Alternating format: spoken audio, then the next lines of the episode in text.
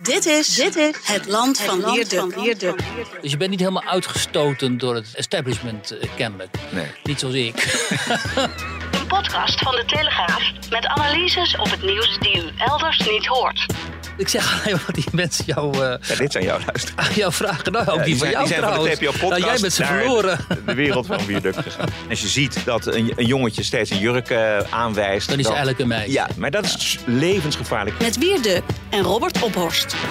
Ja, luisteraars, eh, welkom. Ehm, u hoort niet Robert Ophorst, maar eh Wierduk. Want we hebben een eh, speciale podcast met de gast Roderick Velo. Columnist van de Telegraaf. podcast maken maar bij TPO, moet ik zeggen, Roderick. Hè? De TPO-podcast. De TPO-podcast, ja. En ook nog eens een keer succesvol auteur van het boek dat hij bij zich heeft en nu omhoog houdt. Dat kunt u niet zien, maar dat heet De Schijn Regeert. En dat is een bundeling van Roderick's columns over de afgelopen jaren. Daar gaan we het over hebben, maar we gaan het eerst hebben over de actualiteit. Want we zijn beide journalisten natuurlijk. En dit is een actualiteitenpodcast. Althans, zo is het ooit bedoeld.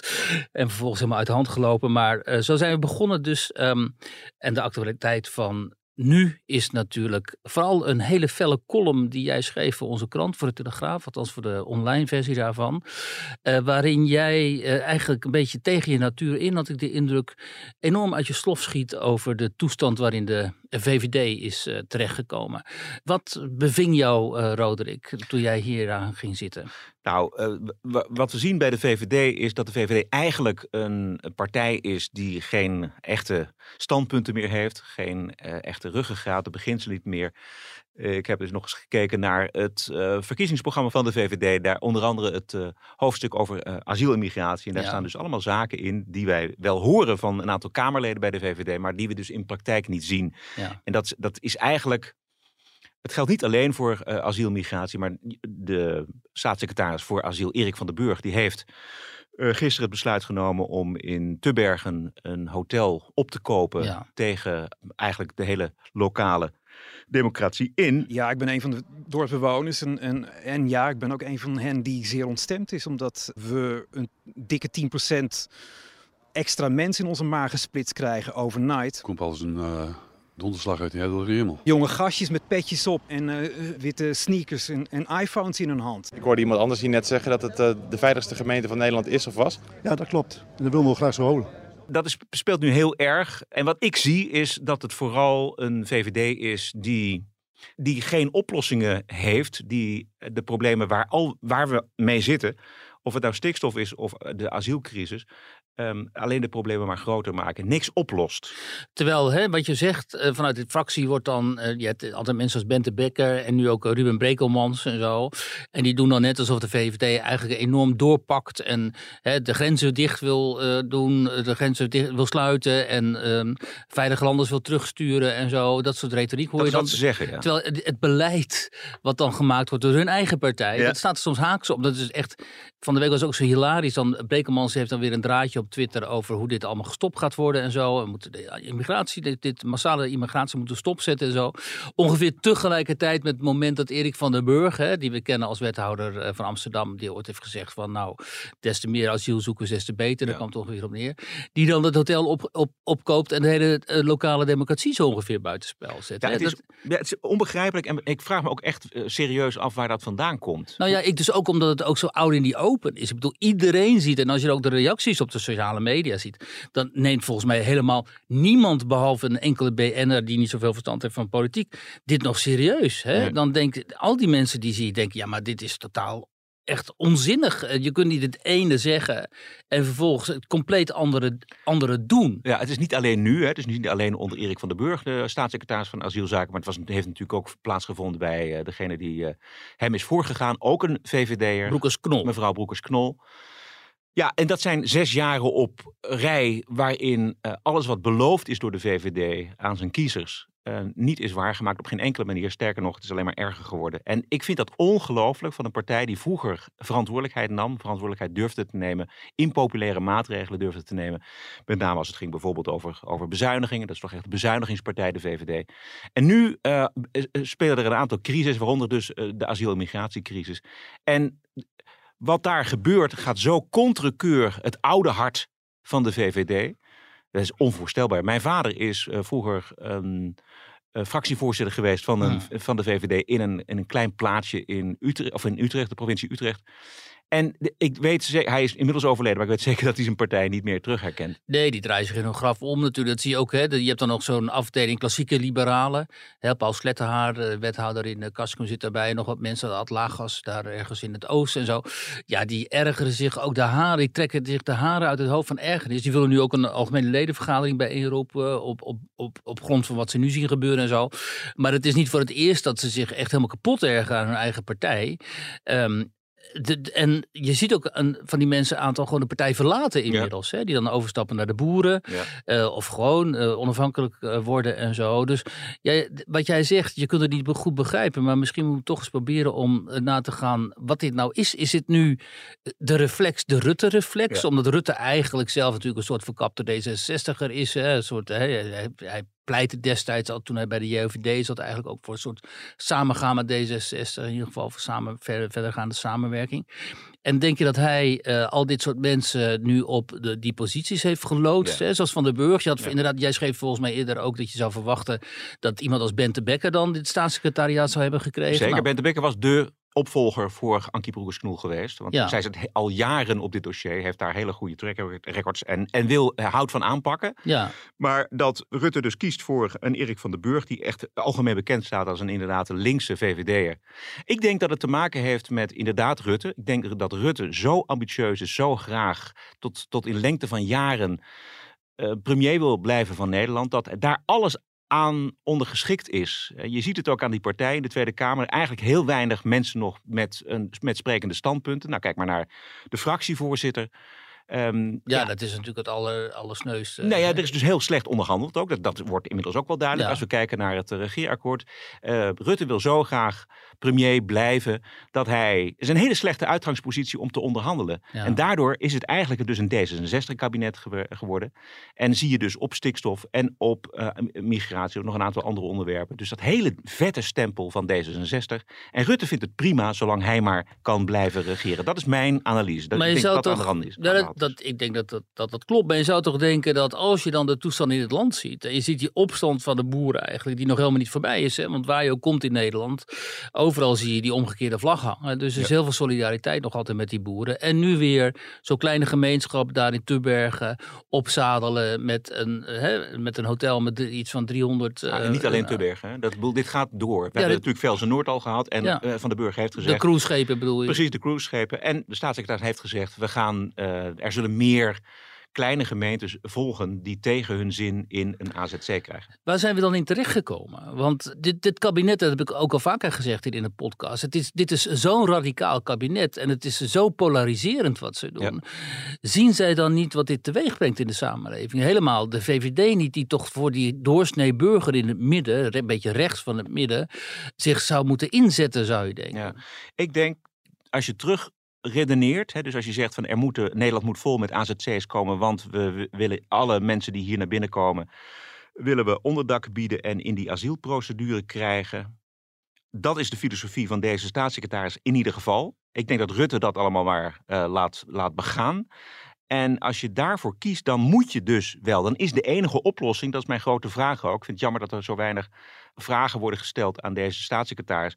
Van hoe ziet u dat voor zich? Want dit is namelijk niet een probleem van de mensen van Tubbergen. Dit is een probleem, dit is een weg zonder oplossing. Er, is, er, komt niks hierna. Er, er is geen oplossing. Dus of Nederland nou 50.000 of 150.000 of 250.000 mensen per jaar over de grens krijgt. Zij krijgen van deze staatssecretaris van dit kabinet allemaal een behandeling, Plek, ja. een plek. Ja. En dat kunnen er volgend jaar een miljoen zijn. Dat kunnen er 2 miljoen zijn. Waar is de grens? Nou ja, kijk, en dan lees je dus weer, dat las ik gisteren bij nu.nl, hè, ehm, een verhaal met de vraag, eh, kunnen wij dit eigenlijk stoppen? En dan komt er weer een of andere migratiewetenschapper en die zegt dan, nee, dat kan helemaal niet, want we zitten vast aan verdragen, daar moeten we ons aan houden. En als die mensen dan voet op Nederlandse bodem hebben gezet, dan zijn wij verplicht om hen dus eh, te onderhouden. En, dan, en daarmee is dan de kous af. Hè? En dan wordt er niet even vermeld, ja, maar ondertussen wordt aan alle kanten dus het akkoord van Dublin geschonden Ja, bijvoorbeeld. precies. Dat bepaalt dat mensen asiel aanvragen in het eerste land eh, in Europa waar ze voet aan wal zetten. En dat Merkel dat ooit zelf dat akkoord gewoon buitenspel heeft gezet. Dus je kunt Je kunt heel veel natuurlijk. Tuurlijk. Je kunt net zoals Denemarken een opt-out bedingen. Je kunt zoals eh, Oost-Europese landen zeggen, ja, we sluiten die grenzen, want wij willen niet onze eigen bevolking op die manier onder druk Ja. zetten. Die politieke wil is er dus kennelijk helemaal niet. En dan denk ik, ehm, vergis ik me nou of is het toch eigenlijk voor dit standpunt van zo van der Burg toch wel een redelijk aantal mensen in Nederland dat het steunt. En als ik dan bijvoorbeeld, ik zag vandaag een tweet van een, ehm, een iemand van FNV, FNV notabene, een raad van bestuur van FNV, die dan letterlijk schrijft... eh, Elke klootzak en elk kutwijf die zich verzet ja. hierbegen, hè, Ja. die wens ik echt de tyfus of zo, weet je wel. Onvoorstelbaar. Ik, ja, dat is toch onvoorstelbaar. Dat is iemand Ja. met een functie. En dat, dat, dat kan gewoon. Hè. Zeker vanuit de FNV. FNV wordt altijd enorm gescholden op, op, op Ja. mensen die dan iets rechtser zijn dan GroenLinks. Maar bijvoorbeeld ook gisteren Kiesja Hekster. Ik meen dat we daar een eh, opname van hebben. Dat is het correspondente voor de NOS. Die zat bij op één. En dan kwam dit probleem ook ter tafel. Nou ja, en dan hoor dan wat, maar wat ze zegt. Je kan altijd kijken van, van wat kan er wel. Hoe zou je zelf opgevangen willen worden? Hè? Denk ik dan, ik kom net uit Oekraïne. Daar zie je mensen die huis en haard moeten verlaten. Daar hebben ze echt niet voor gekozen. Nee. En dan denk ik altijd, wat zou ik blij zijn als ik naar een land kon gaan... waarin mensen zouden zeggen, ik ga kijken wat ik voor jou kan doen. Kijk, dit soort op emoties spelen, zonder enige vervolgens eh, analyse over hoe dan, waar gaan we dit dan doen, voor wie, ko- wie komen dan in aanmerking.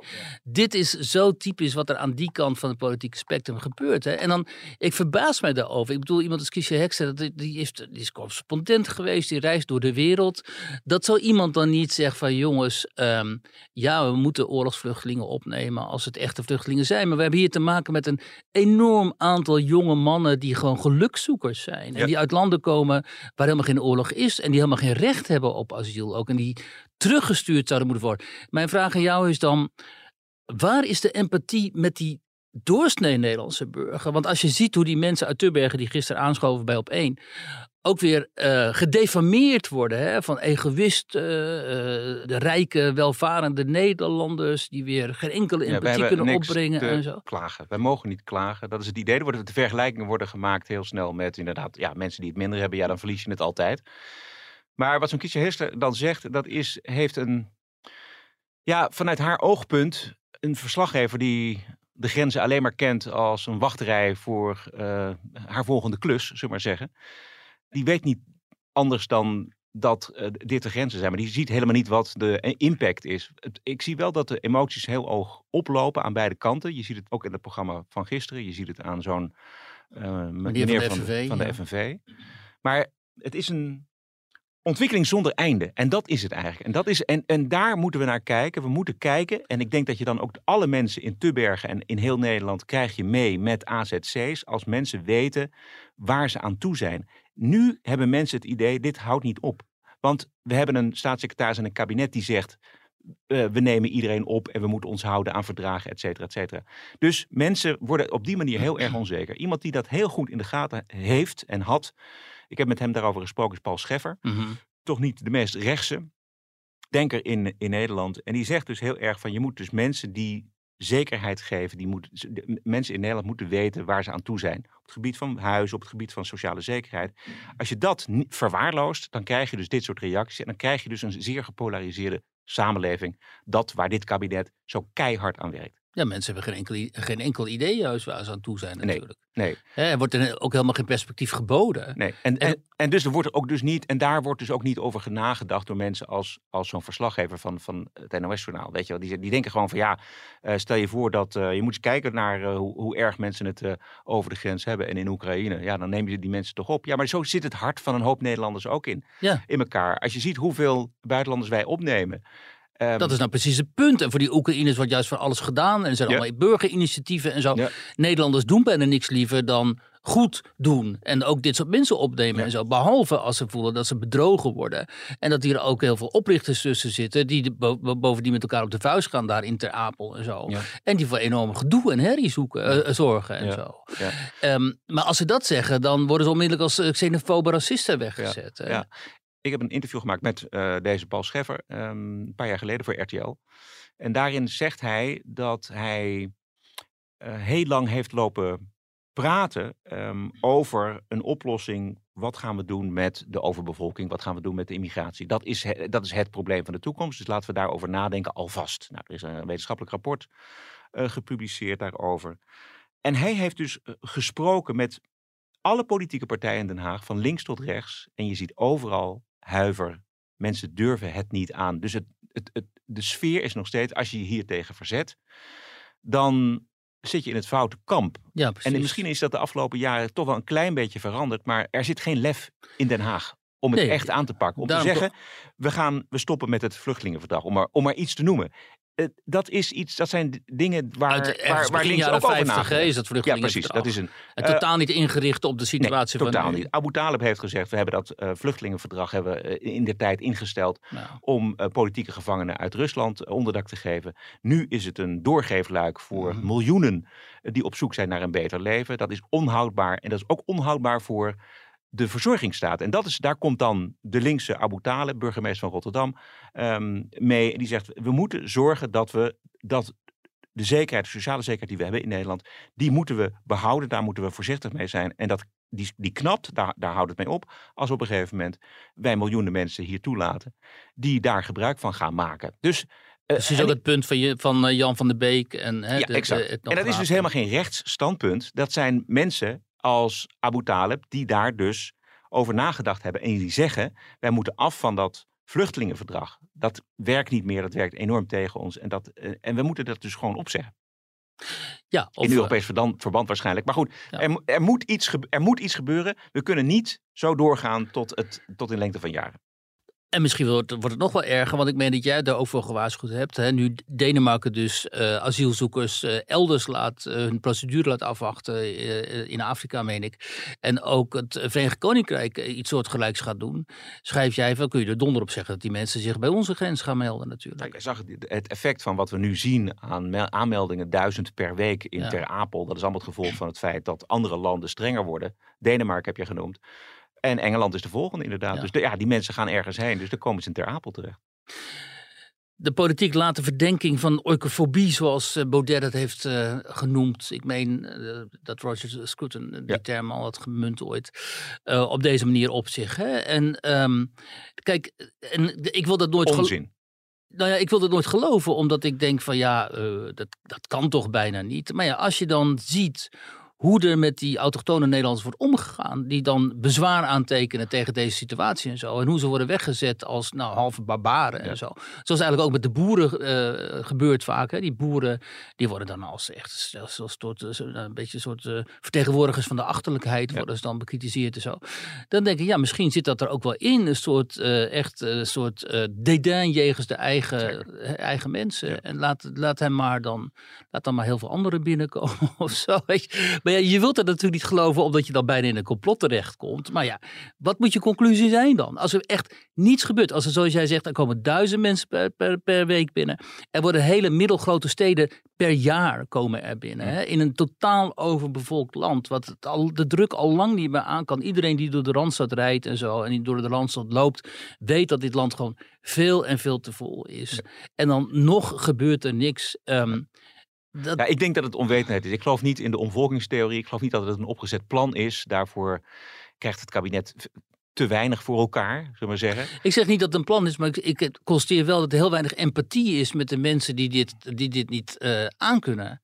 Hè, mensen in zo'n eh, in zo'n omgeving als daar in Tubbergen en zo. Maar misschien zeggen- is dat een kleine groep, eh Wiert. Want als je kijkt naar hoe dit kabinet verliest, hoe, hoe laag het vertrouwen in eh, deze regering is. En als je ziet hoe nou ja, mensen toch kiezen voor BBB of Ja21 of andere partijen. eh, dat zijn natuurlijk allemaal maar dagkoersen, die peilingen. Maar het zegt iets over hoe groot de aversie is eh, tegen, tegen dit kabinet. En, en ja, wie, beheersen de media? Wie beheersen het narratief? Zullen we zeggen dat als we kijken naar radio, televisie, talkshows, journaal, journaal RTL Nieuws. dat is, denk ik, een minderheid. die al die media zo ongeveer. Nee, ik denk dat. Ik, Beheersen. ik kijk, bedoel, eh, journalisten zijn over het algemeen links. Ja. Hè? En ik denk, ehm er is ook wel, dat begrijp ik ook wel. Maar het narratief, dus het, het verhaal, is vooral het slachtofferverhaal. Dus je moet, eh, we moeten zorgen voor die mensen, we moeten de mensen opvangen. Nou ja, we hebben het net gehoord, dat verhaal. En dat zit overal in. Dus, en, en dat is wat wij lezen online. En dat is wat we horen op de talkshows, aan de talkshowtafels. Dus ik denk dat dat ehm, vooral een hele luide eh, minderheid is van ja, uit de journalistiek onder andere programma maken. Ja, maar een volwassen democratie zou ook in zijn medialandschap natuurlijk en aan zijn talkshowtafels en zo eh, mensen neerzetten. Nou ja, zoals jij of Van der Beek of Jan Latte, die zeggen, eh, of politici, die zeggen van jongens, eh, we kunnen dit helemaal niet aan. En kijk eens naar die bevolkingsgroei. Nee, maar dan zo. moet je dus willen, dan moet je dus een, een evenwichtig debat willen. Dan weet je, moet je dus echt openstaan voor een evenwichtige Ja, verslaggeving. dat, dat is toch wat een En dat is democratie wat we- kenmerkt? Ja, nee, maar dat is dus niet wat. Nee, maar dat gebeurt niet. Kijk, ik bedoel, dat gebeurt ook bij ons hier bij de Telegraaf gebeurt dat niet. Dat gebeurt bij de Volkskrant niet. NRC heeft een, heeft een, een voorkeur. Je kiest je voorkeuren, je kiest de mensen die daarbij horen. En dat is eigenlijk ontzettend jammer. Dat, is natuurlijk, dat zien we in Amerika ook heel erg.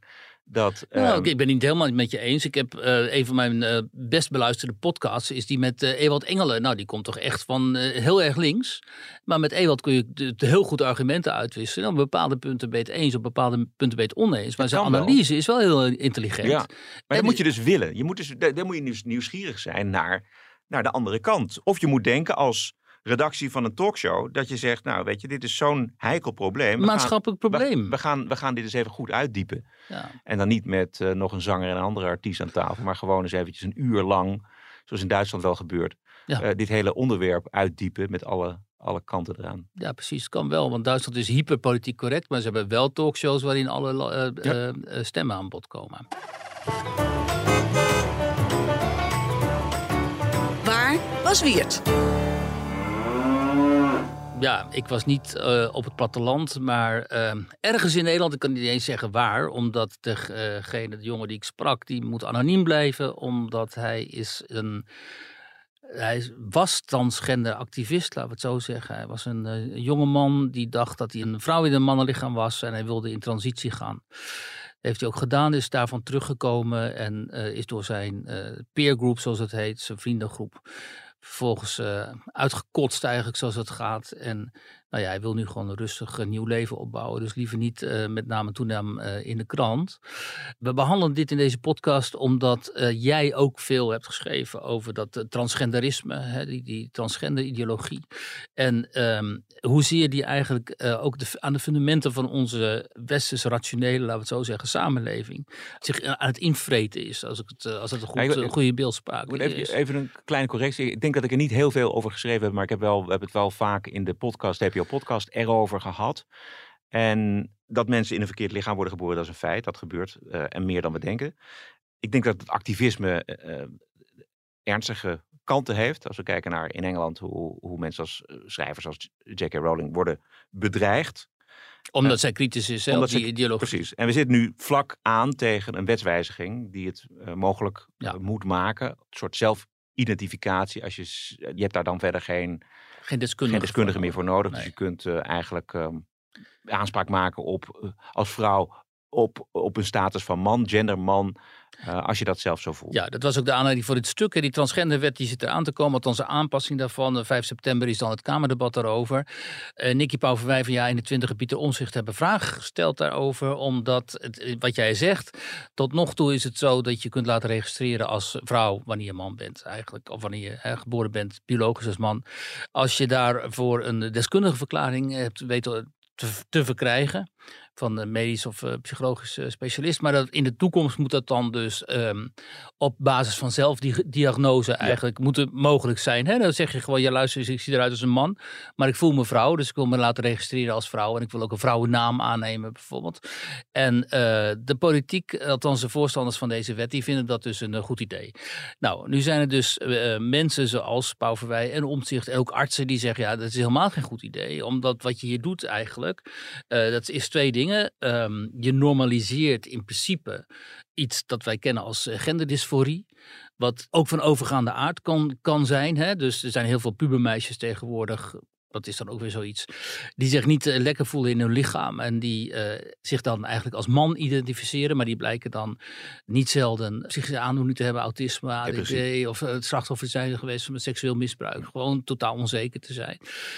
En als je dan dit gaat normaliseren En je gaat ook toegang tot die genderklinieken die er zijn normaliseren. In die zin dat zelfdiagnose dan zal volstaan, ook eventueel voor geslachtsveranderende operaties.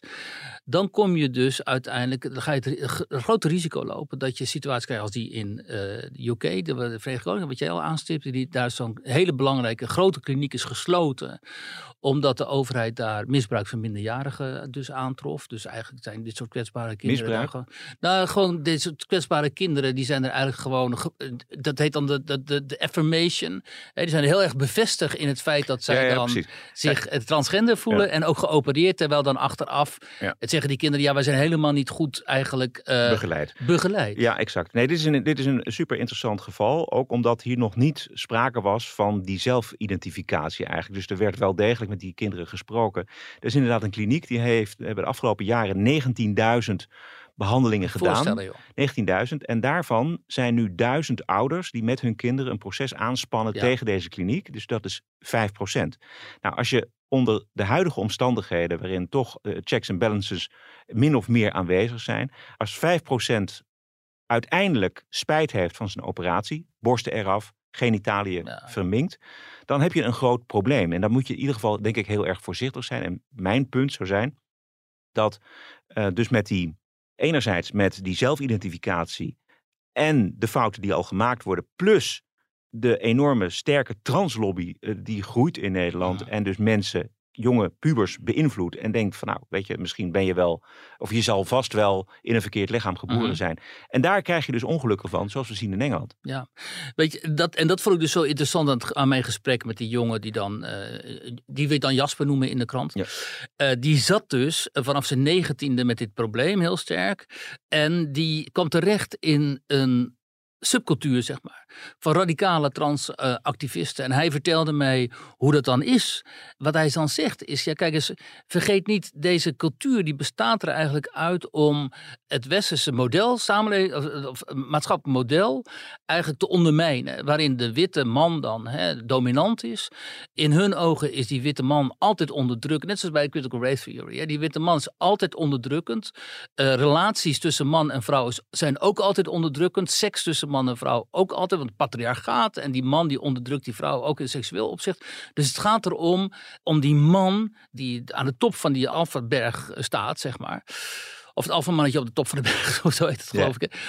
Om die eh, te laten verdwijnen. Daar Ja. komt, dat komt in Ja. principe op neer. En zo die hiërarchie te doorbreken. Dus het is een heel erg ideologisch eh, precies. Model dat ze projecteren op een biologisch, psychologische situatie natuurlijk. Dus, en, dus zij zijn ergens op uit, namelijk die, samen, die, samenleving eh, zodanig veranderen dat die meer in overeenstemming is met zoals zij zouden willen. En daarin gaan ze dus zo ver dat ze dus ook de wetenschap en de taal aantasten. Omdat het, het kan natuurlijk niet zo zijn dat het meer dan twee geslachten zijn. Het is man en vrouw en af en toe Hm. wat daartussenin. Maar meer is er niet. Maar voor hen is het dus zo dat het wel degelijk kan. Dat als jij als man biologisch bent geboren, kun je toch alsnog eh, jezelf identificeren als vrouw. En daarmee zijn we dus in een totaal postmoderne werkelijkheid ja, terechtgekomen. hè? Nou ja, zo erg is het in- Feitenvrij Zo erg, ja, feitenvrij. Zo erg is het in Nederland denk ik nog niet. Zo radicaal eh, de, de trans. Maar die zijn er En wel. zo groot. Ja, die zijn er wel. Er is wel een punt wat er om een oplossing vraagt. En dat is namelijk dat er eh, mensen in een lichaam geboren worden die, eh, nou ja, die dat in het verkeerde lichaam. Ik ken ze ook. En er zijn dus mensen die hun hele puberteit als man zijn geweest. Nou ja, we kennen de verhalen uit de sportwereld natuurlijk. Die zijn allemaal. En dat zijn nog steeds mensen die zich vrouw voelen, maar eigenlijk nou, in een mannenlichaam zitten. En omdat ze die puberteit hebben meegemaakt. Nou, speelt in deze discussie ook heel erg. Moet je jonge kinderen al aan de puberteitsremmers Ja, dus dat- blokkers. Ja. eh, puberteitblokkers of remmers, om te zorgen dat ze meer tijd hebben om erachter te komen wat nou precies hun gender of hun geslacht is. En dat vind ik wel een discussie die we in alle openheid moeten voeren. Nu is het heel erg van in kampen weer denken. Ik denk dat dit een, een, een echt een probleem is en, en ook een oplossing. En ik vind ook dat we daar eh, in Nederland op een volwassen manier over moeten discussiëren. Niet wat zoals nu gebeurt, want nu wordt er helemaal geen discussie gevoerd. Nu wordt eigenlijk die wet een beetje erdoor gejaagd. Ja, nou ja, die artsen die zeggen hè, dat, eh, dat dat eh, eventueel uitstellen dus van die puberteit, daar komt op neer, dat dat eigenlijk heel schadelijk is, omdat je met die puberteitblokkers ook de botdichtheid al gaat aantasten. En dat heeft waarschijnlijk ook gevolgen op de vruchtbaarheid en zo. Oké, maar Dus daar moet je heel erg mee Ja. oppassen. Kijk, er staat natuurlijk buiten kijf. Ik bedoel, een paar van mijn goede, een paar goede kennissen van mij ook via Twitter en zo. Die zijn ook trans, dat zijn ook transgender personen. Hè? Die zijn van man, vrouw geworden. Nou, en daar kan ik eh, prima mee opschieten. Kijk, maar dat is allemaal anekdotisch. Daar kan ik heel goed mee opschieten. Ik heb goede gesprekken mee gehad. Ik heb geïnterviewd en zo. En die leven ook totaal eh gevul, het vervulde levens, zeg maar. Die hebben relaties, die hebben kinderen. En daar is natuurlijk helemaal niks, eh, niks mis mee. Dat is het punt. de- punt Maar die waren misschien hè. meer geholpen als zij voor hun puberteit, als ze die puberteit als vrouw ook hadden meegemaakt. Omdat ze, ze weten nu dat ze vrouw zijn, zijn ze altijd geweest. Dus ja, als ze die puberteit niet als man, maar als vrouw hadden meegemaakt, waren ze misschien beter geslaagd als vrouw, om het maar even zo te zeggen. Ja, kan. Dat weet ik niet. Nou, Ik- dat, ik, dat is, ik denk dat dat wel het geval is. Maar, eh, dus ik vind dat je daar... Ik kan ook niet beoordelen of ze zich dan echt, of ze echt vrouw zijn, of zich zo voelen, of gewoon graag in die rol zitten. Weet je wel, de een is ook ge- geopereerd, de ander weer niet en zo. Dus dat, dat zijn ook allemaal dat gradaties. maar het is allemaal aan die mensen, aan hun persoonlijke vrijheid, die ze, waaraan ze invulling moeten ge- kunnen geven en zo. Dus ik ben ook heel erg voor dat dit juridisch allemaal eh, mogen en medisch mogelijk is. Alleen het gaat erom hoe zorgvuldig gebeurt Ja, dit. daar gaat het om, precies. Ja, en als je dus met kleine kinderen gaat klooien, Ja. zoals eh, in, de, in de Verenigde Staten zo gebeurt, kinderen van negen. Ja. Vaak ook omdat die ouders dan vinden dat, dit- dat zo'n kind eigenlijk een, een, een, meisje moet zijn in plaats van een jongen. En zo. Dan vernietig je natuurlijk potentieel de levens van die kinderen. Ja, en, dat dus, vind en, en dus die activisten af- die al zeggen, ook die eh, de activisten uit de medische wereld, die al zeggen dat kinderen vanaf twee jaar eigenlijk al weten of ze een jongetje of een meisje Ja, dat is toch bent. En als je ziet dat een, een jongetje steeds een jurk eh, aanwijst. Dan is eigenlijk een meisje. Ja, nou, ja, Ja. dat soort onzin. Maar dat is levensgevaarlijk. En als je dus al ziet dat met een vrij strikte wetgeving in Engeland al 5% diepe spijt heeft. We hebben het hier over mensen die dus hun lichaam Ja, verminken. verminken. En, en, en neer, nu ja. dus terug willen. Dus de, dat, dat zijn, de borsten zijn eraf gehaald, de genitaliën zijn veranderd. En die willen nu terug, die hebben spijt daarvan. Omdat ze inderdaad depressief waren. Er was iets anders aan de hand dan Ja. genderdysforie. Of in ieder geval in een verkeerd lichaam geboren. Kijk, en jij pleit voor hè, gewoon eh, zorgvuldigheid en, en het serieus nemen ook van de problematiek en zo. En dan eh, doen mensen als Nicky Pauw verwij dat, verwij- verwij dat. Of ik had ook een, een, eh, een, een vrouwelijke arts in mijn verhaal die hier dan iets over zegt. En dan drukken zij zich alsnog enigszins voorzichtig uit, omdat ze weten wat ze over zich heen gaan krijgen eventueel. Hè? Als je dus kritiek Ja, die jongen hebt van jou, of dat meisje, die wilde Ja. gewoon anoniem. Dus die wil gewoon anoniem blijven, ja, Ja. Omdat hij vanuit die groep mensen waar hij dus eh, mee bevriend was, eh voor rotte vis eh, is uitgemaakt. Nou ja, en J.K. Rowling is niet alleen gecanceld toen ze kritiek had op die, deze praktijken, maar die is gewoon ook zwaar bedreigd. hè. Ja, zeker. En die mag nu niet meer bij feest- festiviteiten komen rond haar eigen boeken hè, en films. Nou ja, dat, en dat is eigenlijk, vind ik eigenlijk nog veel interessanter. Hoe zijn we in godsnaam daar terechtgekomen? Ja. Dat je dus niet meer mag zeggen, joh, dit is een man, dit is een vrouw. Want dat, dat klopt dan al niet meer. Hè? Het is een soort Foucaultiaans universum waarin we terecht zijn gekomen dan. Maar waarin het ook nog eens een keer mogelijk is dat de, de, zeg maar de, de geestelijke vaders, in dit geval moeders van bepaalde eh, populaire eh, de, de iconen van de populaire cultuur, daarvan worden uitgesloten van het, eh, van het verteren daarvan, omdat ze volgens mij eh, volslagen terechte kritiek hebben op iets wat daar, daar ook helemaal niks mee te maken heeft. Ja. Het is toch, Ja. dat, dat ja, klinkt heel totalitair in Ja, ogen. zeker. hoor. Maar dan, eh, daar is, dan hebben we het natuurlijk over, over de woke-beweging. Maar waar, wat mijn oplossing is, en er is maar één oplossing, en dat is dat je het aan moet gaan. En dat je het gewoon wel moet zeggen. Moet begrijp- blijven gaan. Ik ja. begrijp best dat eh, jouw persoon, de geïnterviewde, anoniem wil blijven. Maar ehm, wilde hij zijn hele leven anoniem blijven? Dat, dat vraag ik me af. Dus je, je, moet, je moet gewoon opstaan en zeggen van nou nee, dit eh, accepteer ik niet. Nee, ik roep in deze podcast ook vaak mensen op van kom gewoon van je mening uit en treed naar voren met naam en toenaam en met foto en zo. Alleen op die manier kun je tegenwicht bieden tegen al die bullies die eh, in de samenleving op dit moment veel te grote mond opzetten. We gaan naar jouw boek, want anders komen we helemaal niet aan jouw boek toe. En dat heet, eh, dat is recent verschenen, hè? Ja. De Schijn regeert, een bundeling van eh, columns van de afgelopen jaren. Ja. En eh, vertel eens, ehm, wat is de rode draad in die columns? Ja, de rode draad is dat ehm, het gaat over hypocrisie en schijnheiligheid en schijnvertoningen. En, dat is eigenlijk zo gegroeid, want ik ben... Sip Winia die kwam bij mij met het verzoek. God, is het niet aardig om eens een keer... Hij zei niet God, hij zei Roderick. Uh, zou je het niet eens een keer leuk vinden om een aantal van jouw columns te bundelen? Dus uh, toen ben ik op zoek gegaan en ik kwam in het, helemaal naar het allereerste begin gegaan, 2006, toen ik columns voor uh, RTL schreef. En de eerste columns die waren zo slecht. Ik, ik dacht van, oh, dit, dit, dit wordt helemaal niks.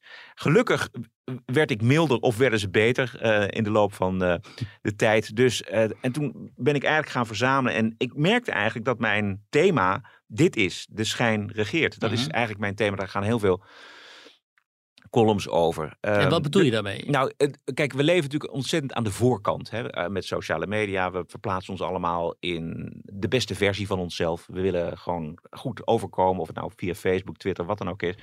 En je ziet dat eh, het in de politiek natuurlijk speelt, heeft het altijd gespeeld. Eh, verkiezingsslogans, dat zegt eh, D66 ook alweer. We laten iedereen vrij, maar niemand vallen. Ja, ja. Diversiteit, inclusie, we moeten naar een fantastische samenleving. Eh, nou, we hebben de, VVD besproken natuurlijk. De VVD die aan de voorkant roept dat ze voor strenger eh, immigratiebeleid zijn. En het natuurlijk uiteindelijk allemaal niet doen. Dus als je zo gaat kijken, ook in het bedrijfsleven. Bedrijven als Unilever. Dat is een bedrijf wat heel erg aan de voorkant doet. Alsof ze mensenrechten na aan het hart ligt. Ze zijn heel erg bezig met eh, homoseksualiteit en alle andere diverse identiteiten. Eh, Als het, als het Pride is, dan, dan zijn het dit soort bedrijven die heel erg aan de voorkant roepen dat ze het allemaal zo geweldig eh, ja, die vinden. allemaal op die trein. ja, maar ja, goed. eh, ik blijf het zeggen. Unilever heeft een fabriek en een, eh, een grote filiaal in Teheran.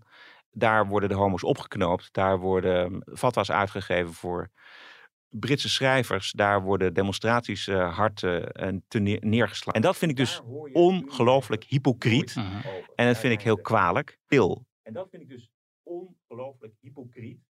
En dat vind ik heel kwalijk.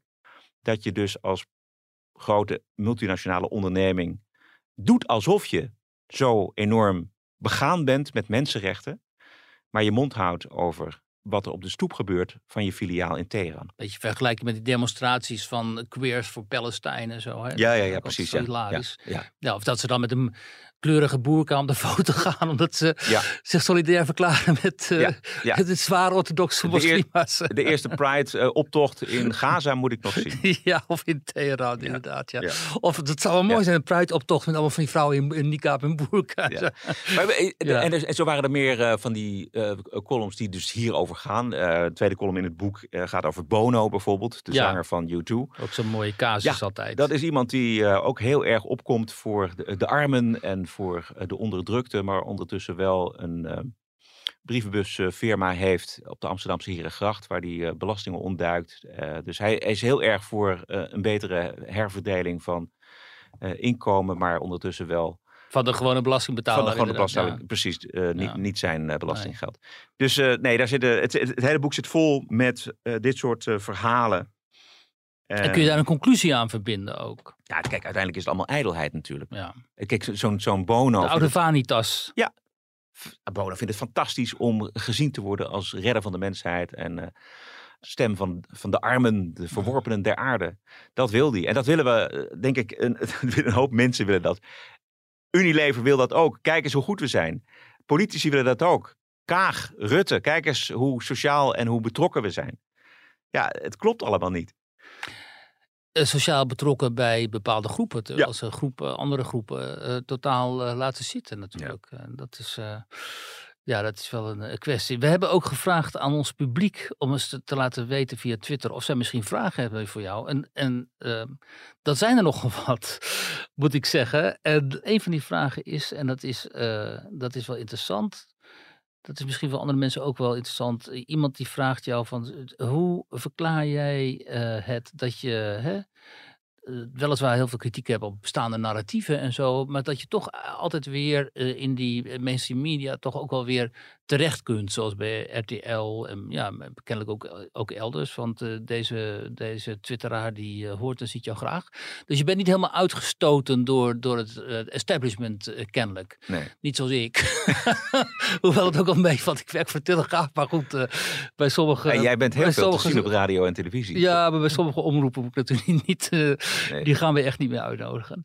Ja, maar laten we eerst laten we vragen hoe ga je daarmee om eigenlijk? Ehm, eh, houd je rekening met wat je schrijft wat je zegt met in je achterhoofd van ja, als ik, als ik te kritisch word, dan kom ik niet meer aan bepaalde talkshowtafels. of, Nee, eh, nee. Kijk, ik ben best kritisch, maar ik, ik ben wel altijd geweest van de onderbouwing. Ehm, want een mening hebben, ja, dat is eh, prima en iedereen mag een mening hebben. Maar ik, ik, ik schrijf die columns wel om dat ook goed te onderbouwen met feiten. Dus dat is eigenlijk vanaf het allereerste begin mijn streven geweest. En dan kunnen er nog een hoop mensen zeggen die, dat ze dat vervelend vinden en dat ze het er niet mee eens zijn. Dat is allemaal eh, goed en wel.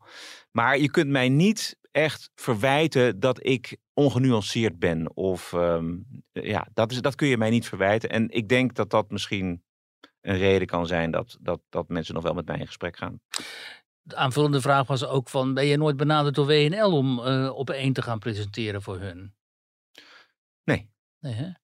Veel mensen eh van me op, eh, die zijn wel verbolgen over het, jouw eh, COVID- en vaccinatiestandpunt dat je innam met Bert Brussen in die TPO-cast. TPO-podcast. TPO-podcast. Ja. Ik zeg steeds fout. Veel mensen, dat zijn Want jullie hebben daar zeer gepleit voor vaccinatie en tegen de wappies. Ja. En jullie hebben daar ook al mensen mee verloren, hè, fans. Ja, veel, veel luisteraars. ja, vertel eens hoe is dat gegaan. Ik, ik bedoel, dat kan ik niet vertellen, maar dan moet jij even vertellen hoe dat ging.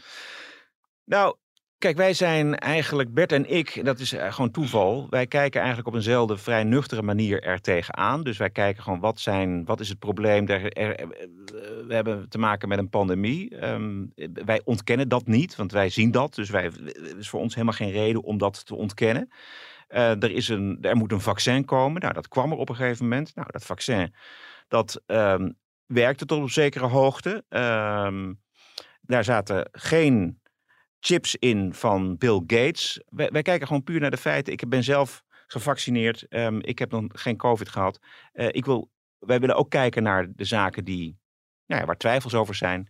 Het is een kwestie geweest van voortschrijdend inzicht ook. Van wij wisten heel veel in het begin niet. Ik bedoel, in het begin, de allereerste maatregel door Rutte afgekondigd was, was je handen. Nou, het kan best zijn dat eh, we er nu achter komen dat dat, niet flauwekul zoveel, dat dat flauwekul is. Maar dat, dat, ja, dat wisten we toen niet. Nee. We wisten helemaal niks. Nee. Dus wij zijn eigenlijk vrij nuchter erin en helemaal niet gevoelig voor ehm, Complottheorieën. complottheorieën. En, en, en, daar, nu en daar zijn we ook wel heel erg gaan, aan, gaan ergeren. Ook de, de, de, de weg die ehm FVD-leider Baudet en de he, zijn hele partij is opgegaan. Ik heb daar zelf persoonlijk helemaal niks mee. Ik vind dat ehm, complottheorieën, daar schieten we niks meer op. En als mensen daar niet meer naar willen luisteren, prima, dan luisteren ze niet.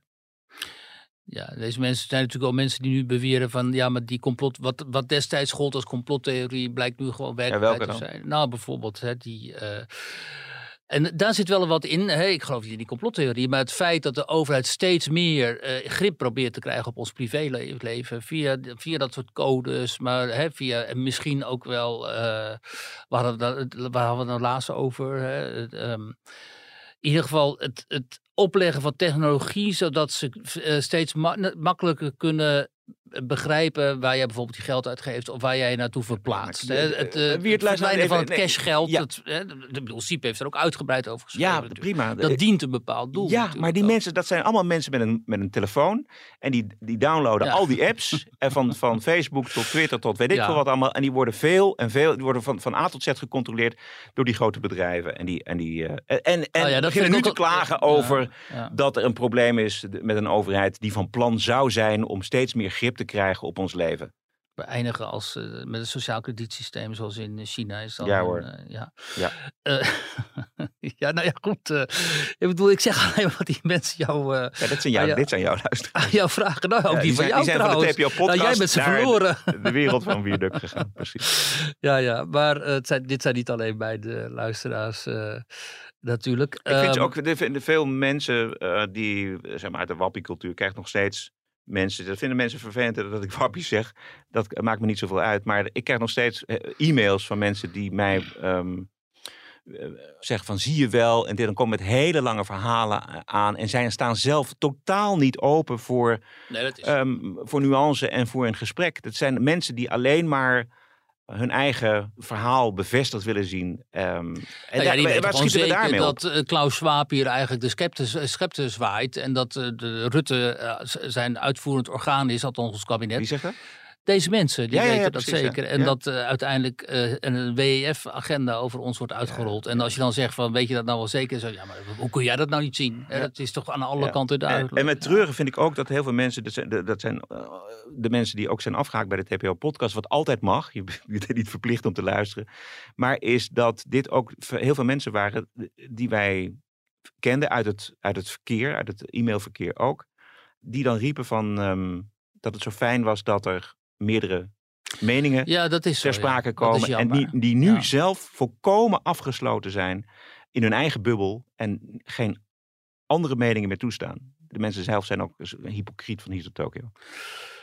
Right. Hier is trouwens ehm, nog wel een interessante vraag. Het wokisme staat hier op mijn inzien steeds meer onderdeel van DNA van jongere generaties. En dat is zo.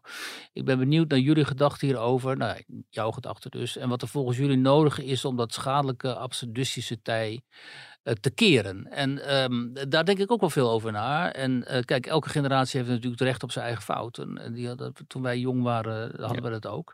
En ik zie natuurlijk eh, onder collega's, ook jonge collega's, heel sterk die neiging om een beetje aan te sluiten bij dat woke. Hè, min of meer extreem, niet extreem. Maar in ieder geval om ervan uit te gaan dat dat zeg maar hun, cult, hun counterculture verhaal is.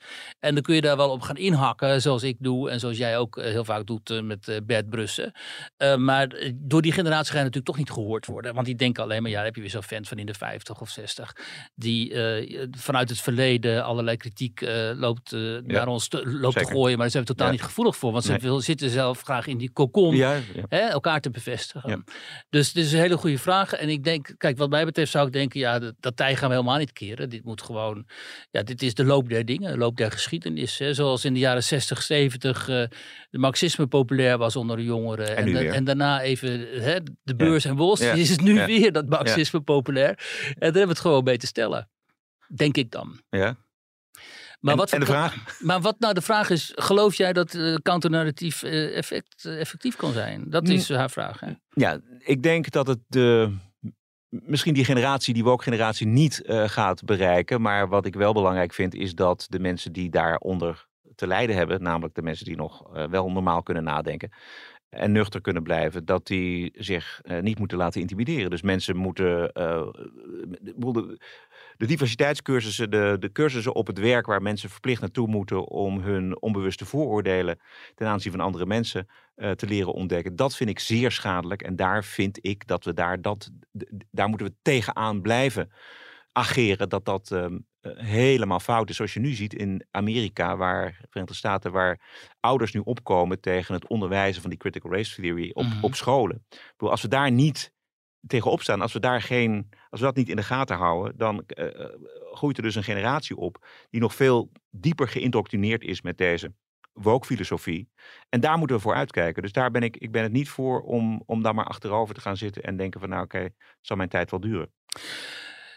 Uit die vragen wat telkens terugkeert, en dat is misschien wel goed om deze podcast ook mee te eindigen. We hebben natuurlijk heel veel kritiek op, eh, op van alles en nog wat, op de VVD, op het kabinet, noem maar op. Maar veel van de mensen vragen hier van ja, maar wat zijn, hoe zien jullie dan eh, wat de manier waarop wij uit deze crisis kunnen komen? Wat moeten we dan doen? Wat zou Velo doen als hij Erik van den Burg was?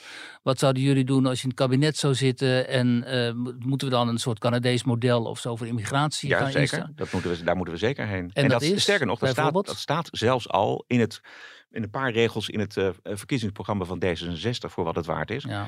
Maar we moeten natuurlijk naar waar hebben wij behoefte aan. En dat is in het Canadese systeem. Dus die kijken gewoon wat hè, onze arbeidsmarkt is. De arbeidsmarkt krap. Hebben we behoefte aan eh, onderwijzers, aan eh, vuilnisophalers, et cetera. Dus dat, die, die mensen gaan ze toelaten. En daarnaast is er een, een, een vast percentage van vluchtelingen die ze, waarvan de VN zegt dat, dat zijn mensen die zijn op de vlucht voor oorlog en Ik honger, ben et dat cetera. 25.000 zijn of zo in Canada. Ja, ja. En, dan, en die mensen nemen wij op. Nou is Canada natuurlijk een enorm groot land en ligt heel erg gunstig als je kijkt naar de immigratiestromen. Die, daar komen niet zo snel mensen, maar dat doen ze dus uit zichzelf. Dat, ik denk dat we zeker daar, eh, daar naartoe moeten. Maar het begint allemaal met het probleem onder ogen te zien. En dat doet deze staatssecretaris natuurlijk niet.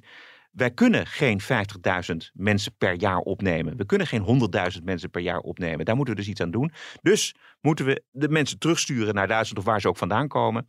Om zich aan dat eh, Dublin-verdrag te houden. En er moet vanuit Nederland veel meer druk op Europa komen om die buitengrenzen, om dat Fort Europa voor elkaar te krijgen. En zelf dus de controle te houden over die immigratie. En als deze coalitie dat niet doet en niet kan, wat voor coalitie zou dat dan wel kunnen, denk je?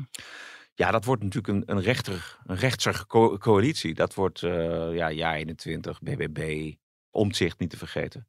CDA misschien daarbij, VVD, als ze nog bestaan. Um, zou dat, dat... Jij voorziet geen glorieuze toekomst voor die VVD als Mark Rutte weg is. Nee, ook met Mark Rutte zie ik uh, geen glorieuze toekomst voor de VVD.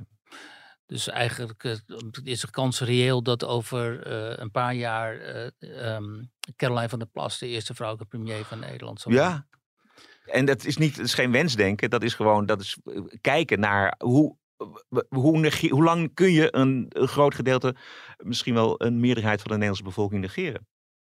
Ja, hoe lang denk je? Hoe lang is die spanningsboog uh, nog uh, houdbaar? Nou, die is, die, die, de houdbaarheidsgrens is wel uh, overschreden. Het is nu zaak dat de rechtse oppositie, inclusief de PVV, gaat, ja, na gaat denken over hoe gaan wij, kunnen wij bijdragen op een zinvolle en een redelijke manier aan de opbouw van een beter Nederland. Nou, precies, daar kunnen we wel mee eindigen. Want dat is natuurlijk ook wel een punt. Kijk, die mensen, men heeft altijd veel kritiek, wij ook.